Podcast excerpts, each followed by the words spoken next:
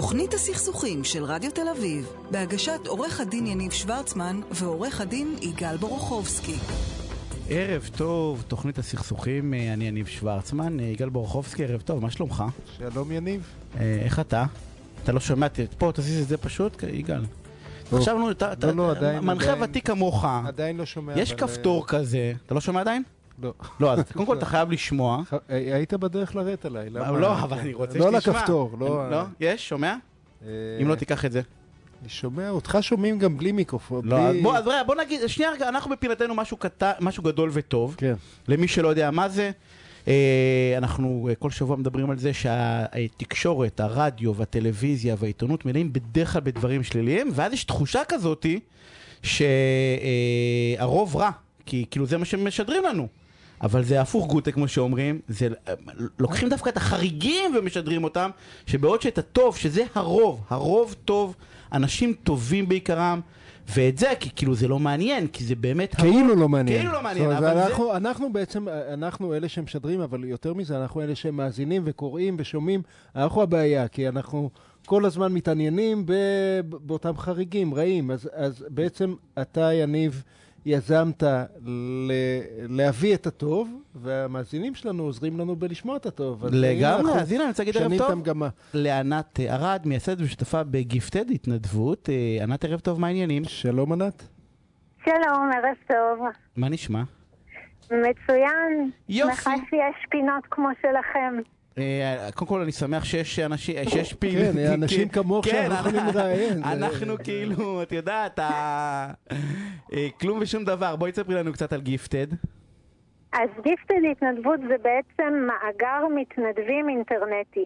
אנחנו יצרנו מאגר מתנדבים של מתנדבים מאוד כישרוניים, אה, שהוא זמין לכולם, הוא באינטרנט. כל מי שצריך מתנדבים יכול להיכנס לגוגל, להכניס, אה, לכתוב גיפטד התנדבות, והוא יקבל מאגר של מתנדבים.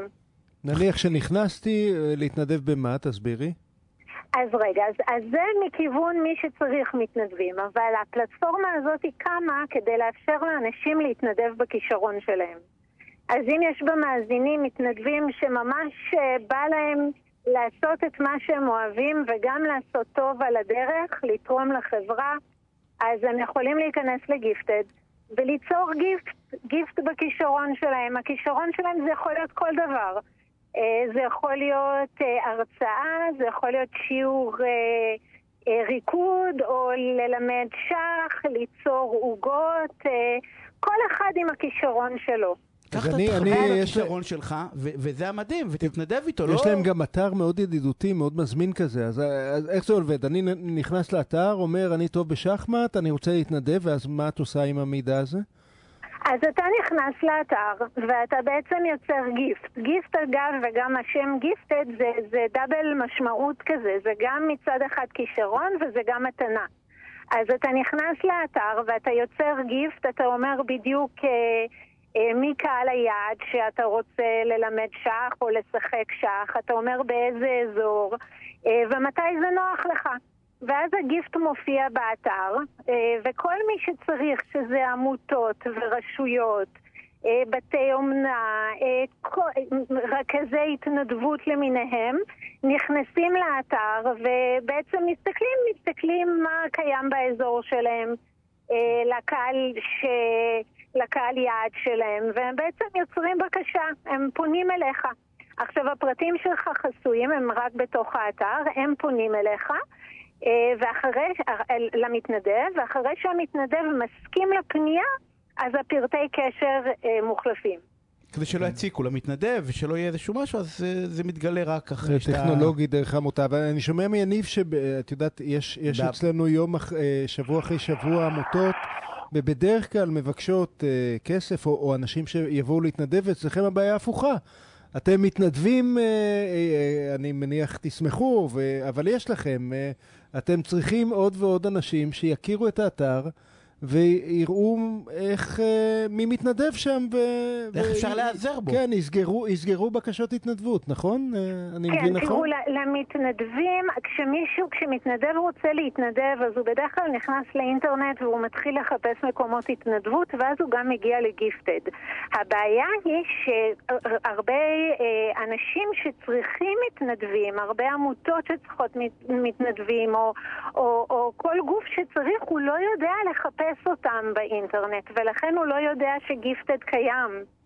ולכן אנחנו, זה, זה לא שיש לנו עודף מזה או מזה, יש המון מתנדבים מקסימים ומתנדבים המון ו, אל- אלפים, וצריך נכון? עוד. נכון, וצריך עוד, ו, ומה שנורא יפה ב, באתר זה שנולדו המון תחומי התנדבות חדשים. Hmm. כלומר, פעם אה, תחומי ההתנדבות היו מאוד ספציפיים, ופתאום אפשר להתנדב בהמון דברים אה, שאוהבים לעשות. וזה ו- זה מוגבל בזמנים? אני אה, צריך להתנדב, יש מינימום, פעם בשבוע, או, לא יודע, חד פעמי? איך, איך, איך זה עובד מבחינת אה, לא, ההיקף? בכלל לא. בכלל לא. יש קודם כל התנדבויות שהן חד פעמיות, אתה יכול להציע התנדבות חד פעמית, הרצאה, צילום, אה, כל מיני דברים שהם חד פעמים.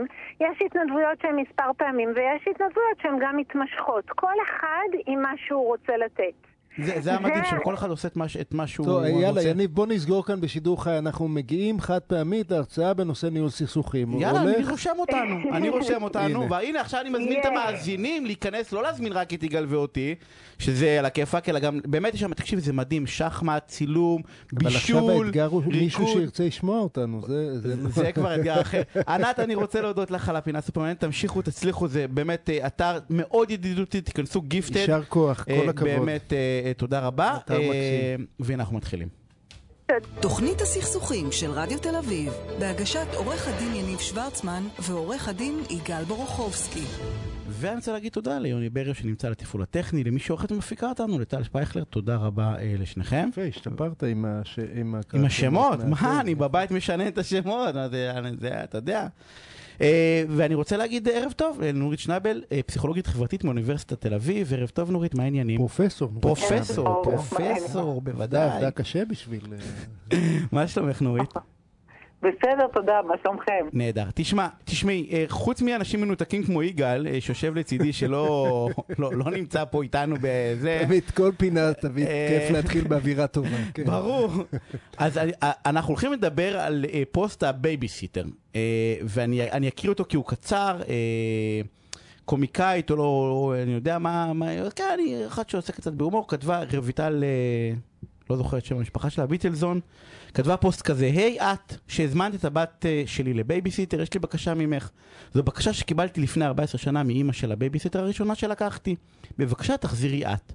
את הבת שלי הביתה. כן, אני יודעת שכל מה שבא לך זה להיכנס כבר למיטה, ואולי את גם לא אוהבת לנהוג בלילה, ואני גם יודעת מעל כל ספק שהאיש שלך הוא גם בן אדם נהדר, יגאל, והוא בטח לא אנס בפוטנציה, את זה היא לא כתבה, את זה אני הוספתי. ובכל זאת, תחזירי אותה את, בשבילי, טוב? סורי. פשוט שאין מקום אין מקום לטעויות. לטעויות. והתחלת להגיד שחוץ מאנשים מנותקים כמוני, כולם קראו את הפוסט הזה. לא רק כמות ו- הפוסטים, יש עשרות אלפי תגובות, זה היום היה בטלוויזיה בכל אחד מהערוצים, כי זה יצר, תקשיב, יום שישי היה לנו על זה ריב במשפחה, בסדר? אה, אמיתי, בארוחת ערב, כאילו היה על זה ממש זה בהרבה זמן, כי יש אנשים אה, שחושבים שאין שום בעיה עם הפוסט הזה, שזה לגיטימי להגיד ש, אה, שאני חוששת מהאבא ש, של הילדה שאני עושה לבייביסיטר, ויש אנשים כמוני, בסדר? שחושבים שיש פוסט הזה הרבה מאוד בעיה. שנעלבים, נכון? ממש ו- לא, ממש לא, לא, נעלב? לא, שנייה רגע, זה לא ממקום נעלב, אתה מכיר אותי, זה לא ממקום נעלב, אלא? וגם כתבתי את זה ממקום שאני לא מבין לאן זה הולך. כאילו, הרי אפשר להגיד את זה על כל דבר. לא, אבל אתה מגיב אמוציונלית, מה זה לא מבין? מה, אתה כועס? אתה לא, אתה אני? מאוכזב, מאוכזב. באמת, אני כל כך מאוכזב, אני חושב שעשינו דרך ומסתבר שלא. מסתבר שעדיין גברים הם אנסים בפוטנציה, אה, מבחינת ה... תראה, בוא, בוא נדבר, נשאל את נורית, תקשיבי. בוא, בוא, ניתן. אנחנו לה- לדבר על סטריאוטיפ- להתבטא. כן, בכל זאת, כן, הזמנו כן, אותה, כן. כן. אה, נורית. איך אני מתמודד עם הסטריאוטיפ הזה על גברים? תגידי לי, איך אני יוצא מזה? איך אני מסביר להן שאני לא אנס? כן, אבל אני לא מפרשת ככה את מה שהיא כתבה. אז אה, אה, אני, אני רואה את זה אחרת. קדימה. אני, אני, אני אגיד לך, אני חושבת, בעצם מה שחורה לך, אני חושבת, חורה בסדר, נכון? אתה לא כועס, אבל חורה לך. חלילה כועס, אני פשוט לא... לא, סתם, אני... כועס אני לא. אה, אני חושבת שמה שמפריע לך זה שמשתמשים ב... אני לא שמעתי שם שהיא אומרת שכולם מנסים בפוטנציה. הצורה שבה אני מבינה את השימוש בסטריאוטיפ, היא בעצם משתמשת בסטריאוטיפ, ונראה לי שזה מה שמפריע לך. אה, והצורה שאנחנו מפרשים אה, סטריאוטיפים בפסיכולוגיה חברתית היא קצת שונה אולי מאיך שמפרשים אותה בציבור. ואני מבינה סטריאוטיפ כאיזשהו כלי, נגיד שהמוח שלנו משתמש בו, איזו הכללה שהמוח שלנו משתמש בה כדי לתת אה, פרדיקציות, כדי לתת ניבויים. עכשיו, כלל אצבע. הסיכוי... כן. נכון, גם, כן. אם, גם אם מעט מאוד, אה, אחוז מאוד קטן מהגברים הם אנסים, אה, רוב האנסים הם גברים, ולכן אה, נכון. החשש הוא שאנחנו מגבר נמשיך ולא להגיד את מאישה. הדוגמאות האלה? יש על זה הרבה נכון, דוגמאות. אני אתן לך דוגמה אחת. נגיד, ש... נניח שהסיכוי, ואני עכשיו סתם ממציאה מספרים, אבל נגיד, נניח שהסיכוי שהאישה מסיעה את הבייביסיטר הביתה, היא, היא תפגע בה או תתקוף אותה הוא חצי אחוז, סתם מספר שאני זורקת, והסיכוי שהבעל יעשה את זה זה שני אחוז. אז עדיין זה אומר ש-98% מהגבר... 98% מהגברים הם סבבה לגמרי. אבל האישה, הבקשה הזאת מפחיתה את הסיכוי לתקיפה או לפגיעה פי ארבע, נכון? התקיפה ברמה המספרית בוודאי, אבל אני לא מסכים. כן, למה? לא. אז משם זה אבל- בא. אבל- אבל משם בס- זה בא. זה לא אומר שכל... מה שאני רוצה להגיד שהסיכוי הוא הרבה יותר גבוה, גם אם 98% מהגברים הם, הם סבבה לגמרי. אני, אני סתם המצאתי מספרים, אבל אני מנסה להסביר משהו כללי על סטריאוטיפים. אתה מבין מה אני אומרת? לגמרי, אבל הסטריאוטיפ הזה נובע, הסטטיסטיקה הזאת, היא תמיד איך שמציגים מספרים. עכשיו, למה למה אני אומר את רגע, זה? רגע, למה אתה מתווכח? היא אומרת משהו נכון. מה שאתה מתקומם נגדו זה כלל אצבע, זה סטריאוטיפ, זה הכללה. ברור. תן לה להמשיך, כן. קדימה. אה, כן, פרופסור. אה, לא, חשבתי שאמרת...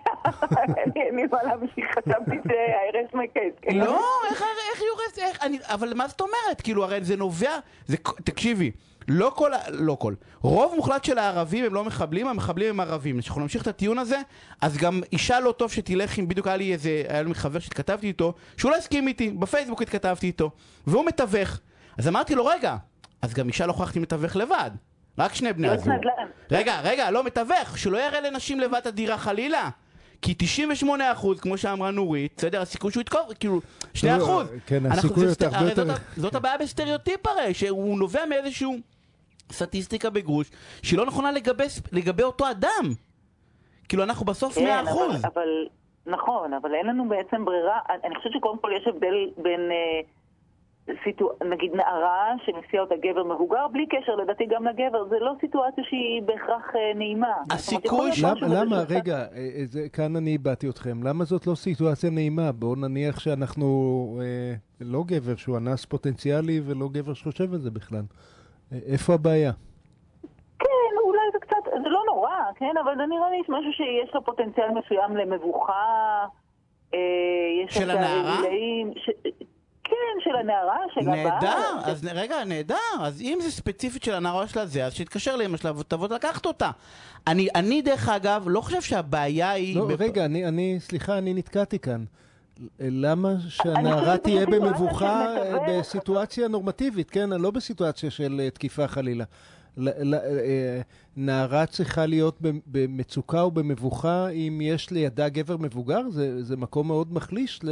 לא, לנערות, לא, לא? לא אמרתי מצוקה. מצוקה ומבוכה זה שני דברים מאוד שונים. אבל רק מה שהתכוונתי לומר, שהדוגמה של המתווך היא מאוד שונה מהבחינה הזאת. כי מתווך זה אישה מבוגרת שנפגשת עם אדם בגילה, אז אני חושבת שמלכתחילה יש פח- פשוט פחות פוטנציאל למבוכה במקרה הזה. רופא, ו... רופא ובחורה צעירה, רופא, אז גם כן ש... שהוא אנס בפוטנציה, שלא תשלח או- לרופא או ילדים. פסיכו- פסיכולוגית לא, מטופלת, אגב, היה... מיליון דוגמאות. זה הבעיה עם ה- עם אבל- אבל הרי. אני חושבת שמסיקים מזה אנס בפוטנציה, זאת קפיצה מאוד גדולה מ- מ- מהאמירה הזאת. אז, ל- אז למה, למה, למה, למה את מתכוונת? היא ניסתה למנוע מהנערה מבוכה? זה, על זה הפוסט?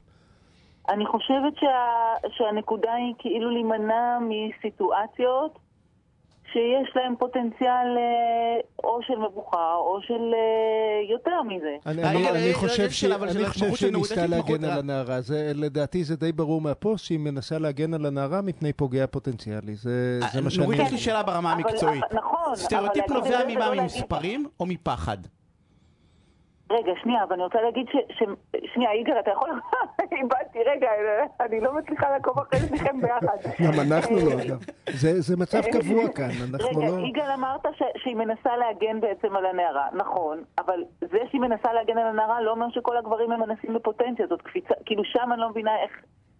יש שם קפיצה. איזה היקש? איזה רגע, היקש אחר למה- יכול... למה, למה קפיצה? היא מנסה להגן על נערה מפני גבר שהיא לא מכירה בעצם, ושהיא, אה, אין לה שום דבר נגדו, מעצם העובדה שהוא גבר. למה זו קפיצה? זה בדיוק מה שהיא ניסתה לעשות. לא, לא, לא קפצתי, ניסיתי לעקוב אחרי כוונתה המקורית. כן, אבל אני לא אומרת שזה אומר ש, שכל הגברים מנסים בפוטנציה. אני חושבת שמה שזה אומר, שהסיכוי לתקיפה הוא גדול יותר כשמסיע גבר מאשר שמסיעה אישה. זה, זה משהו שאני מניחה שאפילו יניב יסכים איתי. שנייה רגע, אבל אני מס... רגע, דקה רגע, אה, שנייה רגע, אני, אני מסכים לגמרי, רק מה הבעיה אבל נורית?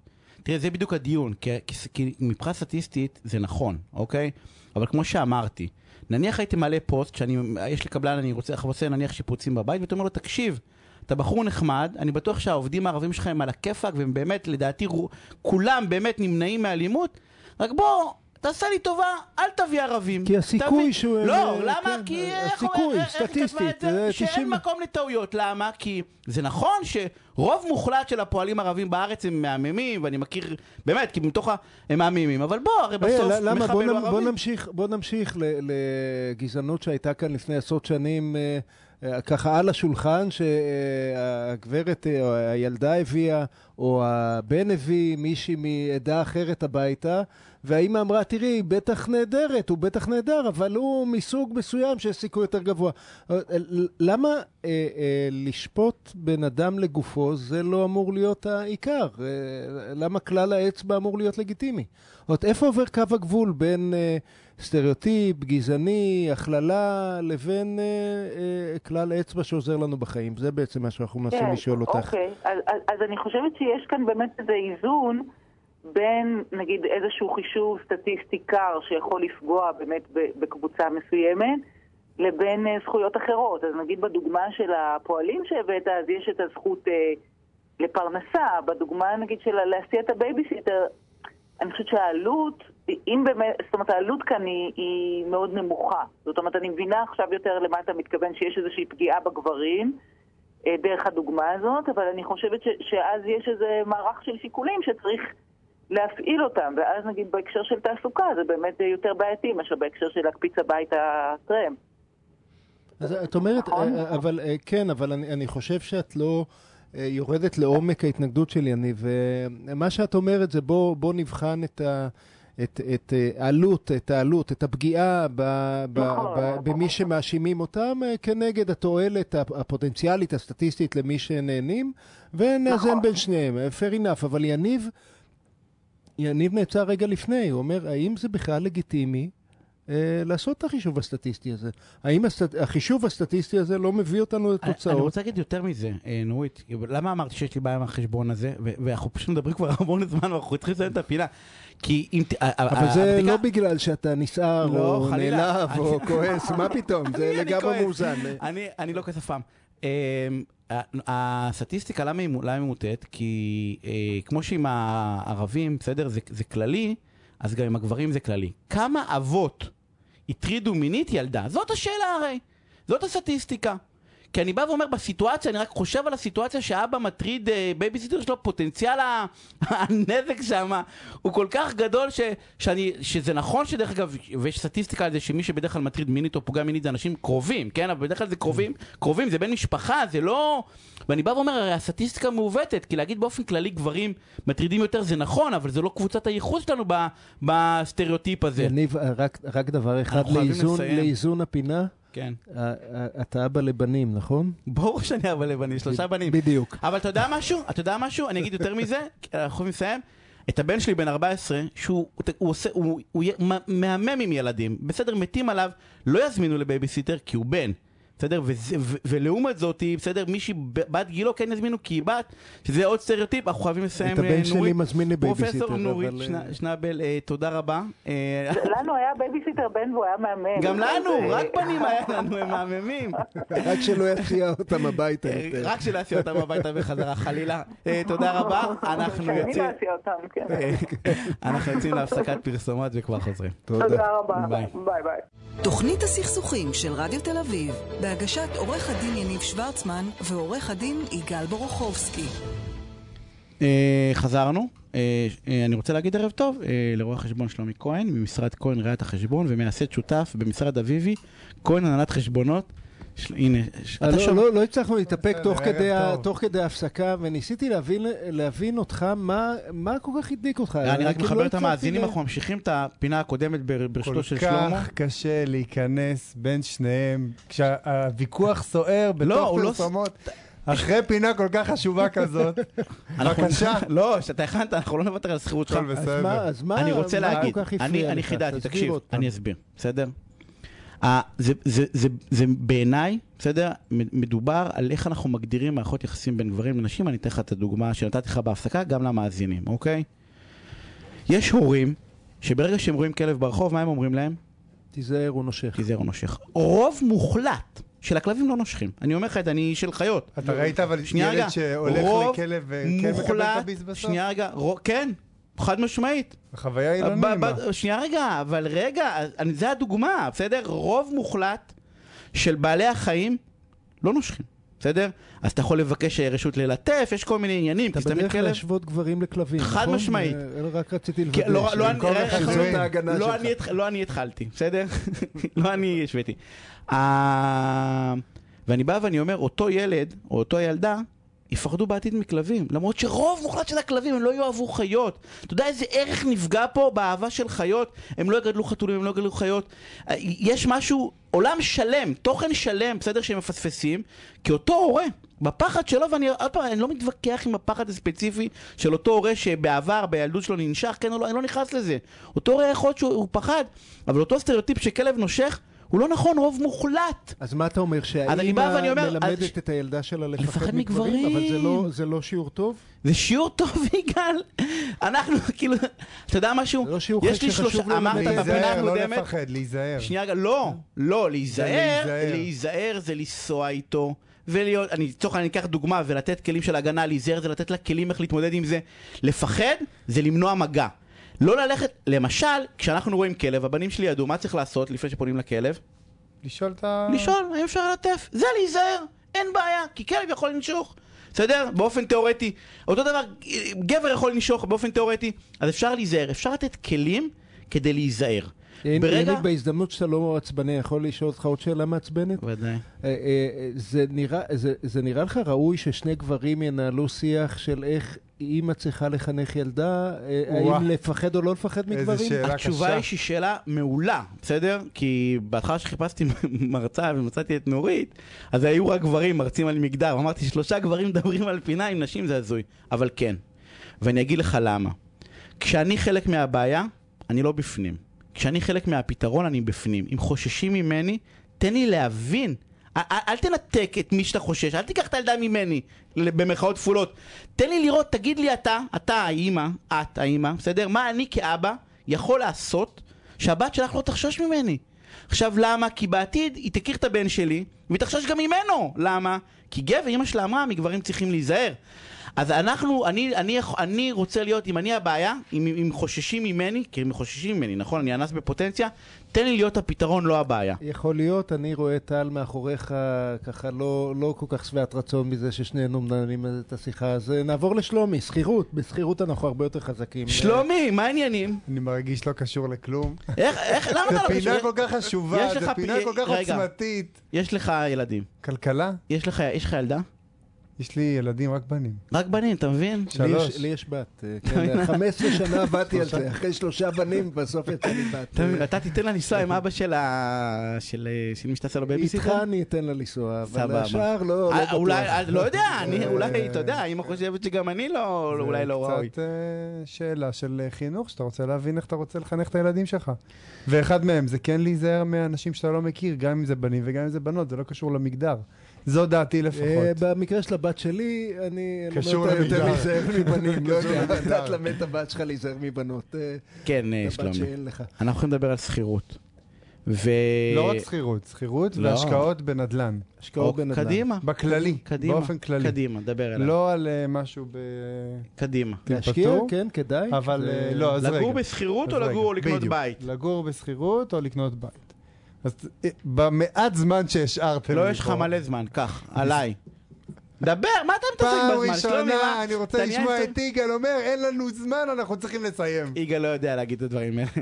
טוב, אז ככה. קודם כל אנחנו מדברים על סוגיה שכבר יש לנו כסף בחשבון בנק.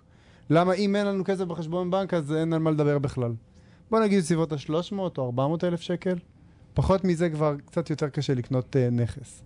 אז אנחנו, כש, כשיש לך כסף, אתה שואל את עצמך כל הזמן מה לעשות איתו. האם לשים אותו בנדל"ן, או האם להשקיע אותו במקומות אחרים שיניבו לך תשואות. אז החוכמה העממית המקובלת, ואני ארצה להגיד אותה כדי שתגיב עליה, היא ששכירות זה זורקים לזבל, ולקנות זה טוב. זה נכון. נכון? אני קודם כל גם בקו הזה, אז אתה, אם אתה לא שם, אנחנו יכולים uh, להתקשקש. אני. לא שם. סבבה. אז אם אתה היום, נגיד, לוקח. משלם שכירות, כן. אז כל הכסף באמת הולך לזבל, אבל ברוב המקרים אתה משלם קצת פחות. כלומר, קצת אם פחות ממה? היית... ממשכנתה. ממשכנתה. כלומר, אם היית עכשיו לוקח משכנתה על בית של אה, 2 מיליון, היית מקבל שכירות סדר גודל של 5 או 4,000 שקל, והמשכנתה הייתה קצת יותר, נגיד 5,000 או 5,500, או כן. אפילו קצת יותר, או 6,000. ומעבר לזה היה את ה-300, 400, שלא לומר על נכון, מיליון רגע, לא שניים, דיברתי על זה, לא דיברתי, אמרתי... להשקיע ולהרוויח. נכון, נכון, רגע, 400 אלף יש לי כרגע ביד, לא משנה. לקחתי משכנתה, אני משלם קצת יותר ממי שמשכיר ממני את הנכס. אז השכירות היא טיפה יותר זולה, אבל ברגע שאני משלם משכנתה, אני משלם חלק כהוצאת ריבית, אני משלם לבנק זורק לים, את כמו השכירות. הרוב המכריע של המשכנתה זה הוצאת ריבית. אה, אתה, זה, ב- כן, אפשר בטח להגיד. בשנים הראשונות, כן. אה, 50-50. בשנים הראשונות הרבה יותר מזה בשפיצר, אבל אה, אוקיי, אז, אוקיי. אה, אבל, אבל אתה אה, אומר, אבל חלק הבנתי. ממנו, חלק ממנו אתה מחזיר אליך כהשקעה. כלומר, אתה שם את הכסף, אתה משלם עבור הנכס שקנית. שמת נגיד 400 אלף שקל על הנכס, וההפרש, נלך על 50 אחוז, לצורך ההבנה, 50 אחוז חוזר אליך בזה ששמת את זה עבור אותו הנכס. עכשיו, כן. אז מעבר רגע, לזה... רגע, רגע, תעצור כאן רק כדי שיבינו מה אמרת. נכון שהשכירות הולכת למישהו אחר ואתה לא מקבל כלום, אבל גם הריבית הולכת למישהו אחר נכון. ואתה לא מקבל כלום, וחוץ נכון. מזה, יש את התשואה להון. תסביר, תסביר מה, אבל לא מה זה הבנתי אומר. למה- למה למה אתה אומר, שלומי, שכדאי אה, לקנות ולא להשכיר? רגע, רגע, אתה מפריע לו להגיד, חוץ מאת לא, התשואה אז להון, רגע, תסביר, חכה, אין אה, בעיה, אין בעיה, אנחנו נגיע רגע גם לשם. אבל רק לצורך ההבנה, ב- בדרך כלל, במרביתם של המקרים, התשלום על הריבית הוא יותר נמוך מהתשלום על שכירות פוטנציאלית. נכון, בגלל כלומר- ששמת הון עצמי. נכון. לא, בלי קשר להון עצמי. ב, ה, כן, המשכנתה שאתה משלם, החלק העיקרי, ח, חלק ממנה, אתה מקבל חזרה ב, בנכס. זה, כמו שאמרת, החזר הון. עכשיו, מעבר לזה שאתה מחזיר אליך כל חודש את הנכס, לאט לאט, עד שאתה מגיע 20-30 שנה קדימה וכל הנכס נשאר אצלך, ואז אתה מפסיק לשלם שכירות, גם הנכס גודל, העלות שלו הערך- עולה, הערך שלו גדל, כן. עכשיו, הרבה אנשים מסתכלים על זה בצורה כזאת, שאם עכשיו הערך עלה ב-400 או 300 אלף, אז uh, עשיתי 10 אחוזים או 15 אחוזים, אבל זה לא מדויק. כי כמה באמת השקעתי בנכס? השקעתי 400 אלף שקל. אם הנכס השקעתי בו 400 אלף שקל והוא עלה ב-400, אפשר לומר שעשיתי 100 אחוז על הכסף. רגע, לא בדירה ראשונה, בדירה שנייה. כן, אני, אני רוצה את אבל מה אני ששלומי... לא הבנתי, אני לא- בדיוק, אני רוצה רגע, רגע, למה- אם, אם לא הבנת אני- למה אתה מפריע. אני רוצה את מה ששלומי אמר, אם להגיד... אני מבין, אני לא מפריע. אני רוצה את מה ששלומי אמר, להגיד במילים שלי. אה, אה, כי אני מרגיש שלא דייקתי עבורך. אה, לא, לא, כי זה, זה מסובך קצת, אז שווה לחזור עליו פעמיים. ההשוואה בין שכירות לקנות בית היא יותר מורכבת מאשר את זה לזבל וזה נפלא. ה- ה- בשכירות הכל כסף הולך לזבל, אבל יש לך את ה-300-400 אלף שקל, הם שאתה יכול עדיין, להשקיע אותם במקום הם עדיין אחר. בבנק שלך, ונניח השקעת במניות, עשית נכון. משהו, אז הרווחת מזה משהו. במשכנתה הריבית הולכת לזבל, קנית בית, הריבית הולכת לזבל, וה-300-400, זהו, אין לך אותם בחשבון בנק, אז אתה לא יכול להשקיע אותם, הם בבית. אז ההשוואה היא לא כזאת טריוויאלית, כן? לפעמים זה יותר שווה, לפעמים זה יותר שווה. אה, יניב, אני מרגיש, רוצה לא. ממך, רוצה ממך כלל אצבע, אחרי שהוא אני- השקיע פינה שלמה לרדת על כללי אצבע, שזה לא זה, הוא רוצה שתגיד לו אם לקנות או לשכור, בלי חשבונות מסובכים. אה, קודם כל, נכון. גברים או נשים? מי משקיע יותר טוב? סתם. אה, אל לקנות או... תלך רגע. רגע, רגע, שנייה, לקנות או לשכור, מה אם... אני- אה, הכלל אצבע הזה שאמרת בהתחלה הוא רק בישראל, כי בחו"ל תרבות ההשכרה היא הרבה יותר גדולה. רגע, רגע, חו"ל מאמין זה מקום בפיזור- גדול. זה לא ישראל וחו"ל, כן? יש חו"ל בסדר, לכל מדינה עם זה- ה... אני עם מאמין בפיזור. השקעות. בפיזור גם- השקעות. גם לקנות משהו נדל"ן, עצם לעתיד, לעתיד לבוא, וגם לשים קצת כסף על במניות. הכיפאק, נניח שבפינה לאלה שיש לא- להם חמישה מיליון שקל, נגיד להם את זה. אבל נניח שאין לי, אין לי, יש לי רק בית. 300-400 אלף שקל. אז את זה תסביר. למה? הרי אה, היינו עסוקים בחמש דקות האחרונות. כי אחד- הבנתי למה, אחד דרך הדברים אגב. החשובים, למה? למה? אני- מה שאני הבנתי? לשמור על ערך הבנת? הכסף, זה אחד הדברים כי מה- החשובים. במה שאתה הסברת, ב-400 וב-400 בבנק או ב-400 בבית, כשאני משלם את המשכנתה, אז נכון שיש את הריבית שאני זורק אה, לזבל, בסדר? אבל אבל יש חלק מהנכס- רכיב, רכיב, גם אם זה בשפיצר בהתחלה וזה נכון, יש רכיב מסוים שעדיין הולך לבית. אז לאט לאט, אה, 400 בסדר, ו-400. רוגז אבל, אבל הרכיב. של, אבל אותם 400 אלף שקל, אם היית משקיע לפני עשר שנים, נניח הנדלן עלה, אבל אם היית משקיע במניות של אפל, היה עולה הרבה יותר. כן, אבל אתה לא יכול ליפול בדיוק על רגע, המניות רגע, הנכונות. שנייה, שלומי, או בכל זאת אומר לקנות. אם יש לך כסף, תקנה. למה? בשביל לשמור על ערך הכסף שלך. בשביל כלומר- לשמור על ערך הכסף. שלך. כלומר, אם אתה היום קונה בית, אם עוד 20 שנה הוא יעלה או לא יעלה, הערך של הכסף לא זז. אם אתה תחליט לא לקנות בית ועוד 10 שנים ה- הנדלן יעלה, אתה כבר לא תוכל אני- לממן את הבית יש לי- הזה. אני אנחנו מ- סיימנו. לגמרי, אני לגמרי מסכים, נתנו רגע, אני, משפטים רגע, אחרונים. אני לגמרי מסכים עם שלומי, ואני רוצה להגיד את זה, אבל מכיוון אחר. בסוף החשבון הוא מסובך ולא ברור, לפעמים יוצא לכיוון הזה ולפעמים לכיוון הזה, לא ברור איך לעשות אותו נכון. אבל מה שברור זה שאתה צריך בית. ולכן להשקיע במשהו שהוא קשור למה שאתה במילא מוציא, להשקיע בהוצאות של עצמך, צמוד להוצאות שלך, זה רעיון טוב. אה, דירה להשקעה סיפור אחר, אבל דירה למגורים אני לגמרי עם אני שלומי. מרגיש שהגענו רק לשורה השלישית במה ששלומי רצה להגיד. אנחנו נעשה עוד פינה על שכירות, כי בעיניי זה סופר חשוב, לא רק על ההשקעות. תמיד אה, אנחנו מגיעים לפינה השלישית במה ששלומי רוצה? להגיד. אה, שלומי צריך להוציא ספר, ספר שלם הוא יכול להוציא על מה שהוא הכין ולא אמר בפינה הזאת. הפסקת אה, פרסומות, ואנחנו כבר חוזרים. תודה רבה לכם. תוכנית הסכסוכים של רדיו תל אביב, בהגשת עורך הדין יניב שוורצמן ועורך הדין יגאל בורוכובסקי. ואני רוצה להגיד ערב טוב לעורך הדין בועז פיינברג, שותף וראש מחלקת המיסים במשרד תדמור לוי ושות'. בועז, ערב טוב, מה העניינים? ערב טוב. בועז, אני, אני רוצה, אני רוצה לשתף אותך ב. במצוקה שלי. כל פעם אה, שיש פינת מיסים, יניב מתחיל ממה זה העניין הזה ולמה זה חשוב וזה, ואני עסוק במשך, אה, אה, אה, היום היה חצי שעה בלהסביר לו למה זה נוגע לכל אחד ואחד מאיתנו, למה זה קריטי הנושא שאתה הולך לדבר, אבל קודם תגיד על מה אתה, על מה אתה הולך לדבר, ואז אה, אז הפעם, נסביר כמה זה חשוב. הפעם אה, אני מקווה שלא נריב. בפעמים הקודמות... אני מאוד-? מקווה שתריבו, בועז, בוא בוא נשתף לא, לא, אותך, אני אנסה לסכסך בדרך. נשתדל היום פחות לריב ויותר להיות אינפורמטיביים. אה, למרות שיש לי גם דעה לגבי העניין, לא רק אינפורמציה. אה, אנחנו הולכים לדבר היום על אה, שינוי בכל מה שנוגע למיסוי בינלאומי, אה, וזה נשמע מאוד מאוד רחוק להרבה מאוד אנשים, והאמת היא שזה לא ממש רחוק. אה, מיסוי בינלאומי נוגע לכל מה שקשור לתושבי ישראל, בין אם הם יחידים או בין אם הם חברות, כאשר יש איזושהי נגיעה אה, לדברים שקורים מחוץ לישראל. שיטת המיסוי במדינת ישראל משנת 2003 היא שיטת מיסוי שנקראת השיטה הפרסונלית, והיא בעצם קובעת, אגב, כמו רוב מדינות העולם, אה, אה, שיש להם את השיטה הזו, אה, שיטה דומה, והיא קובעת שאדם שהוא תושב ישראל יהיה חייב לשלם מיסים במדינת ישראל, מס הכנסה, על הכנסות שהוא מפיק גם במדינת ישראל, כלומר, על הטריטוריה, על דברים שהוא עושה פה, אבל גם על אה, דברים שהוא עושה מחוץ למדינת ישראל, על נכסים שהוא למשל רכש במדינות אחרות ומפיק שם אה, או רווח הון, או אה, דמי שכירות, או אם הוא רכש מניות בחו"ל אה, ויש לו דיבידנד, או שהוא מוכר אותם ומפיק רווח הון, אלה יהיו הכנסות שיהיו חייבות במדינת ישראל, וזה הדין משנת 2003. לפני זה הייתה שיטה טריטוריאלית, שבמסגרתה אה, אדם שבין אם הוא היה תושב ישראל ובין אם לא, אם הוא היה מפיק את ההכנסה מחוץ למדינת ישראל, אז אותה הכנסה לא הייתה באופן כללי ממוסה במדינת ישראל. ועכשיו יש ועדה שעובדת על, אה, על אה, לשנות את זה? כן, למה? ועדה שישבה, אז היא לא מתכוונת לשנות את השיטה הפרסונלית, אבל היא באה לקבוע כללים אה, ביחס לכמה נושאים. אני אתמקד אה, בנושאים שנוגעים ליחידים. אה, אחד מהם זה לגבי השאלה מי הוא תושב ישראל, אבל זו שאלה מאוד חשובה. עכשיו אנחנו מבינים גם למה. מי שתושב ישראל, הוא ישלם מס על כל הכנסותיו גם בארץ וגם בחו"ל. אה, ומי שאינו תושב ישראל לא ישלם מס על מה שהוא מפיק מחוץ לישראל. ואם אני חלק מהזמן כאן וחלק מהזמן יפה. אה, בארצות הברית? זה המשחק הרי, לא? אז זו השאלה. מה שנקבע ב-2003, כשבאו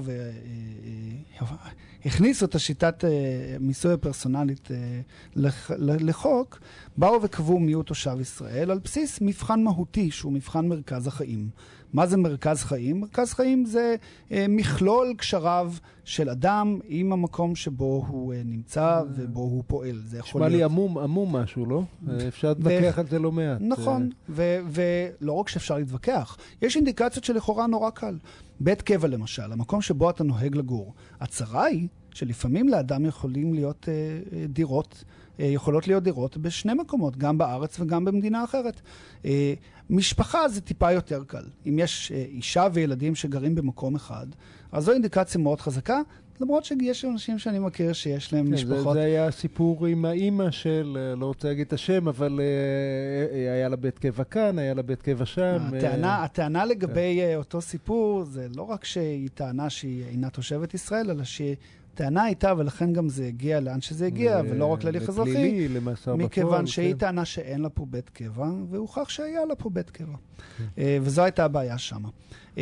עכשיו רוצים, ואני אני אוסיף ואגיד, לצד הנושא של מרכז חיים, באו וקבעו חזקות של ימי שהייה. כלומר, כמו שיניב אמר בצדק, מה זאת אומרת? אנחנו בודקים כמה זמן אתה שהית פה, כמה זמן אתה לא פה, ולפי זה אפשר אם היית כאן לדעת. רוב השנה, סימן שאתה תושב קבע. נכון. נשמע די מסקנה די הגיונית. נשמע לא? מצוין. הבעיה היא שב-2003 קבעו את חזקת ימי השהייה כחזקה ניתנת לסתירה. כלומר, בנוסף לחוסר הוודאות של מרכז חיים, באו וקבעו, תראו, אם אתם אה, שוהים מעל 183 ימים בשנת המס זה במדינת חצי, ישראל, כן, חצי מהשנה. כן, מעט יותר כן, מחצי, קצת בדיוק. אז אה, סימן שאתם אה, תושבי ישראל, אבל אתם לא בהכרח תושבי ישראל, אתם תוכלו להוכיח. ואגב, רשות המיסים כמובן תוכל להוכיח הפוך אם שהיית פחות מ-183 ימים, שאתה כן. אה, אבל זה משהו שנותר עמום, ו... זה כי משעמם בבתי משפט, אז אמרו בואו נעשה עוד תיק- כן. ליטיגציה, כאילו אין אה, מספיק עומס. אז רק, רק בשביל לסגור עוד פינה, אה, אה, שים לב שאנחנו מדברים, יניב, על תושבות. נניח שאני אזרח ארצות הברית, אבל נמצא כל השנה בישראל, זה, אז איפה אני ממוסה? אז אזרח הברית זה סיפור טיפה שונה. יש כמה מדינות מעטות מאוד, אני חושב שלא יותר משלושה, ארצות הברית היא אחת מהן, צפון קוריאה לדעתי היא הנוספת, ויש עוד איזה אחת. יפה, יש הסכמה ששם- לפחות אחת בין ארצות הברית לצפון קוריאה. אה, כן, הסכמה שהיא לא, לא כל כך מבורכת, שבאה וקובעת שאזרח ולא תושב, כלומר לא מקום מגורים, אלא אזרחות, קובעת את התושבות שלך לצורכי מס. וזה אומר שמעל 300 אלף אמריקאים שגרים פה, חייבים לשלם מיסים לא רק למדינת ישראל, גם כאן וגם בארצות הברית. גם לארצות הברית, ולהגיש שם דוחות. אני אני בעד. רוצה לשמוע... אני נראה לי, אני בעד אני רוצה הקטע לספר לך הזה. משהו מדהים, ובועז, אה, אה, נראה אם אתה מסכים. אתה זוכר את התורים לגרין קארד והגרלות, ואנשים שנורא רצו אזרחות אמריקאית? היום הרבה, הרבה אנשים שאני מכיר מנסים לוותר כמיטב יכולתם על אזרחות אמריקאית, בגלל שזה נהיה נורא מסובך להיות אזרח אמריקאי מחוץ לארצות מי שעוקב הברית. אחרי הדברים האלה, ואני אקצר, כי אני רואה שהזמן אה, קצר, אבל אה, אם הרפורמה שג'ו ביידן מתכנן אה, בתחום המס יצא לפועל, הרבה מאוד אמריקאים ירצו אולי לברוח מהתושבות האמריקאית מה- שלהם. מהאזרחות. מעניין. כן, כן, כן. לא להיות... הם יודעים לעבוד האמריקאים. כן, כן. תחום, תחום, תחום שהוא עולם ומלואו. אה, אבל אני אגיד רק שהוועדה באה וקבעה עכשיו, בואו נהיה טיפה יותר אה, אה, בוודאות. ואת הוודאות אנחנו באמת נקבע על פי ימי שהייה. יש עוד הרבה מדינות בעולם שמשתמשות בימי השהייה לא רק כחזקה ניתנת לסתירה, אלא באמת כחזקה חלוטה. אה, והוועדה באה והמליצה, לדוגמה, שמי ששוהה 183 ימים בשנת המס במשך שנתיים רצופות, זאת לא תהיה חזקה אה, ניתנת לסתירה שהוא תושב ישראל, אלא היא חזקה חלוטה שהוא תושב ישראל, בלי כל קשר לשאלת מרכז החיים. זאת אומרת, אדם ששוהה פה מעל 183 ימים, עם הדבר הזה, עם הוועדה כמובן, ההמלצות שלה יהפכו לחוק, מי ששוהה פה 183 ימים במשך שנתיים, גם עם המשפחה שלו בחו"ל, וגם אם יש לו בית קבע בחו"ל, וגם עם כל האינטרסים הכלכליים שלו בחו"ל, זה לא רלוונטי, הוא יהיה תושב ישראל, no matter what. אז אם uh, נסעתי לרילוקיישן לשנתיים, uh, אני מוסה במדינה שבה אני נמצא. בדרך כלל שוב ארצות הברית, אבל... אני, uh... זהו, אז פה אנחנו באמת נכנסים לשאלות מעט יותר מעניינות. האם למשל המדינה שאליה היגרת היא מדינת אמנה? שזאת אומרת מדינה שלמדינת ישראל יש איתה אמנה למניעת כפל מס או לא. אם עברת למדינת אמנה, אז לא רק שיש את הדין הפנימי בכל מדינה שקובע אם אתה תושב אה, של המדינה או לא, אלא גם האמנה קובעת אה, קביעות לגבי התושבות. אה, זו נקודה אחת ש... הדוח הזה דן בו. אני אסיים אז רק למס יציאה, כי זה קדימה, ממש ממש קדימה, חשוב. קדימה, משפט. מס יציאה, מס שאדם משלם אם הוא מנתק תושבות ישראלית, וזה אומר שהוא, רואים אותו כאילו שהוא מכר את מלוא נכסיו. ואז הוא חייב אה, לשלם מס כאילו הוא מכר את נכסיו. זה הוועדה, הוועדה ממליצה? כלומר, הוועדה, לא, לא, לא, לא, המס הזה קיים כבר. הצרה היא שעד היום לא אכפו אותה. אוקיי, שזה אומר עוד פעם? לא אכפו את המס הזה. המס הזה בא וקובע שאם אתה... אתה רוצה לרדת מישראל? ניכנס בך. זה אומר שלמעשה, הנכסים שהחזקת... יוצאים מרשת המס הישראלית, ולכן רואים כאילו מכרת אותם. ואז אתה משלם על זה מס, כן. כאילו. עכשיו יחייבו כן. אותך לשלם על זה מס, על הרבה מאוד נכסים. למדנו משהו מהאמריקאים. למדנו לא רק מהאמריקאים, אבל זה עוד משהו שהוועדה היום... אפשר להתחמק מזה? לא הולך להיות. שעות ביציאה. לא, לא באמת, בואנה, זה מעניין. האמת היא, אה, מדהים. אז כל מי שחושב להתחכם... יגידו, אין בעיה, התחכמת, התחכמת, הנה השומה החדשה שלך. אנחנו ממתינים כן. בביקורת הגבולות. יכול להיות שמדינת ישראל תסכים אה, להגיד שאתה ניתקת תושבות, יכול להיות שיהיה יותר... להפך, שזה כלכלי. כן, בדיוק, נכון תרצה, אה, תהיה מעוניינת. לגמרי, זה נראה אפילו אה, כלכלי. בועז, תודה רבה. בועז פיינברג ממשרד תדמור לוי ושות', תודה רבה. האמת היא, אתה רואה? כן. אני כל פעם מחדש, למרות שאני לא מבין מה הקשר, איך זה קשור אלינו, זה מעניין. אתה לא מבין כלום במיסים, כאילו כלום, חוץ לשלם, כן? אבל כאילו לא מבין כלום במיסים. וזה, וזה משפיע. תחום שהוא עולם שלם, והוא משליך עליו. לא, והאמת היא שתקשיב, לזכותו של בועז ייאמר, הוא מנגיש גם את זה כאילו ל... הוא גם עורך דין של מיסים, וגם אפשר להבין מה הוא אומר. וגם הוא לא משעמם, אתה לא. יודע, כאילו... זה מדהים, זה מאוד מאוד נדיר. הוא לא... זה, אני כל פעם יוצא עם חיוך מהפינות האלה, אז בועז, אה, תודה רבה. תשמע, אנחנו צריכים לסיים. אני רוצה להודות ליוני בריו שהיה פה על התפעול הטכני, ולטל שפייכלר שערכה והפיקה את התוכנית הזאת. אה, שעשינו לה בלאגן בזמנים. אה, יגאל, אני רוצה להודות לך, למרות שאתה גבר. ואתה אבא, ואתה תוכל לצאת את הילדים שלי לאן שאתה רוצה, אני מבטיח לך. אה, תודה, תודה. באמת. ואחרינו דני סידס, שגם הוא גבר. וגם הוא יוכל לעשות את הילדים שלי, ואני סומך עליו בעיניים עצומות, שישמור על הילדים. אבל אתה לא כועס. לא, אני לא כועס, אני לא כן. מאוכזב. כן. אבל גם הוא גבר, סומך עליו. שעה עברה מהפינה הזאת בתוכנית, ואתה עדיין... בעיניים, בעיניים עצומות. מסיע. רק אומר, לא, שלא. אני רוצה לתמוך, אתה יודע, באחינו הגברים, האנשים בפוטנציה. אה, אנחנו נתראה שבוע הבא פה בתוכנית לא פחות מעניינת, אז אה, תתעדכנו ותשמרו על עצמכם, לכו להתחסן, הילדים עכשיו תורם, אז מי שצריך לחסן... תתחסנו ותשמרו על עצמכם. אגב, יצא שזה מגן. כן, כן, ברור שזה מגן. וסיימנו, יוני, סיימנו. כן. יאללה, ביי.